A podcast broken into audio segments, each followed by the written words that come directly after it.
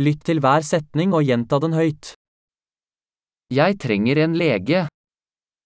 Eu preciso de um doutor.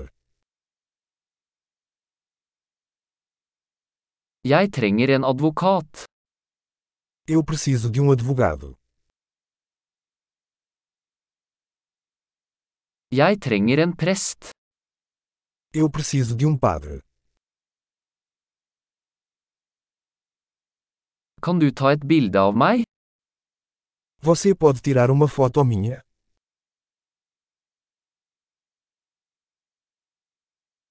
Kan du lage en kopi av dette dokumentet?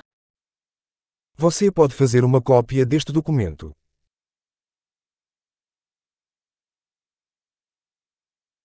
Kan du låne meg telefonladeren din? Você pode me emprestar seu carregador de celular.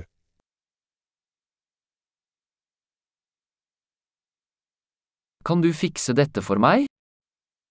Você pode consertar isso para mim.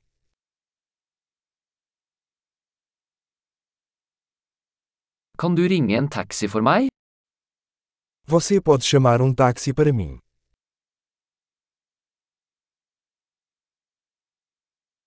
Kan du gi meg en hånd? Você pode me dar uma mão. Kan du slå på lysene? Você pode acender as luzes.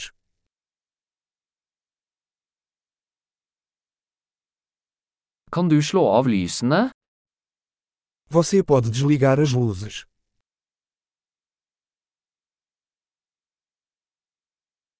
Kan du vekke meg klokken ti? Você pode me acordar às 10 horas.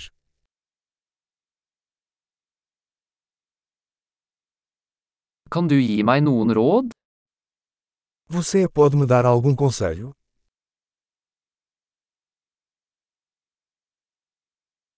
Har du en blyant? Você tem um lápis? Kan jeg låne en penn? Pode me emprestar uma caneta? Kan du åpne vinduet? Você pode abrir a janela? Kan du lukke vinduet? Você pode fechar a janela?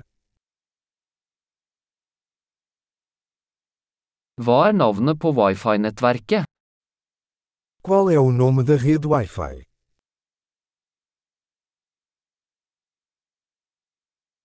Hva er wifi-passordet? Qual a senha do Wi-Fi? Flott! Husk å lytte til denne episoden flere ganger for å forbedre oppbevaringen. God reise!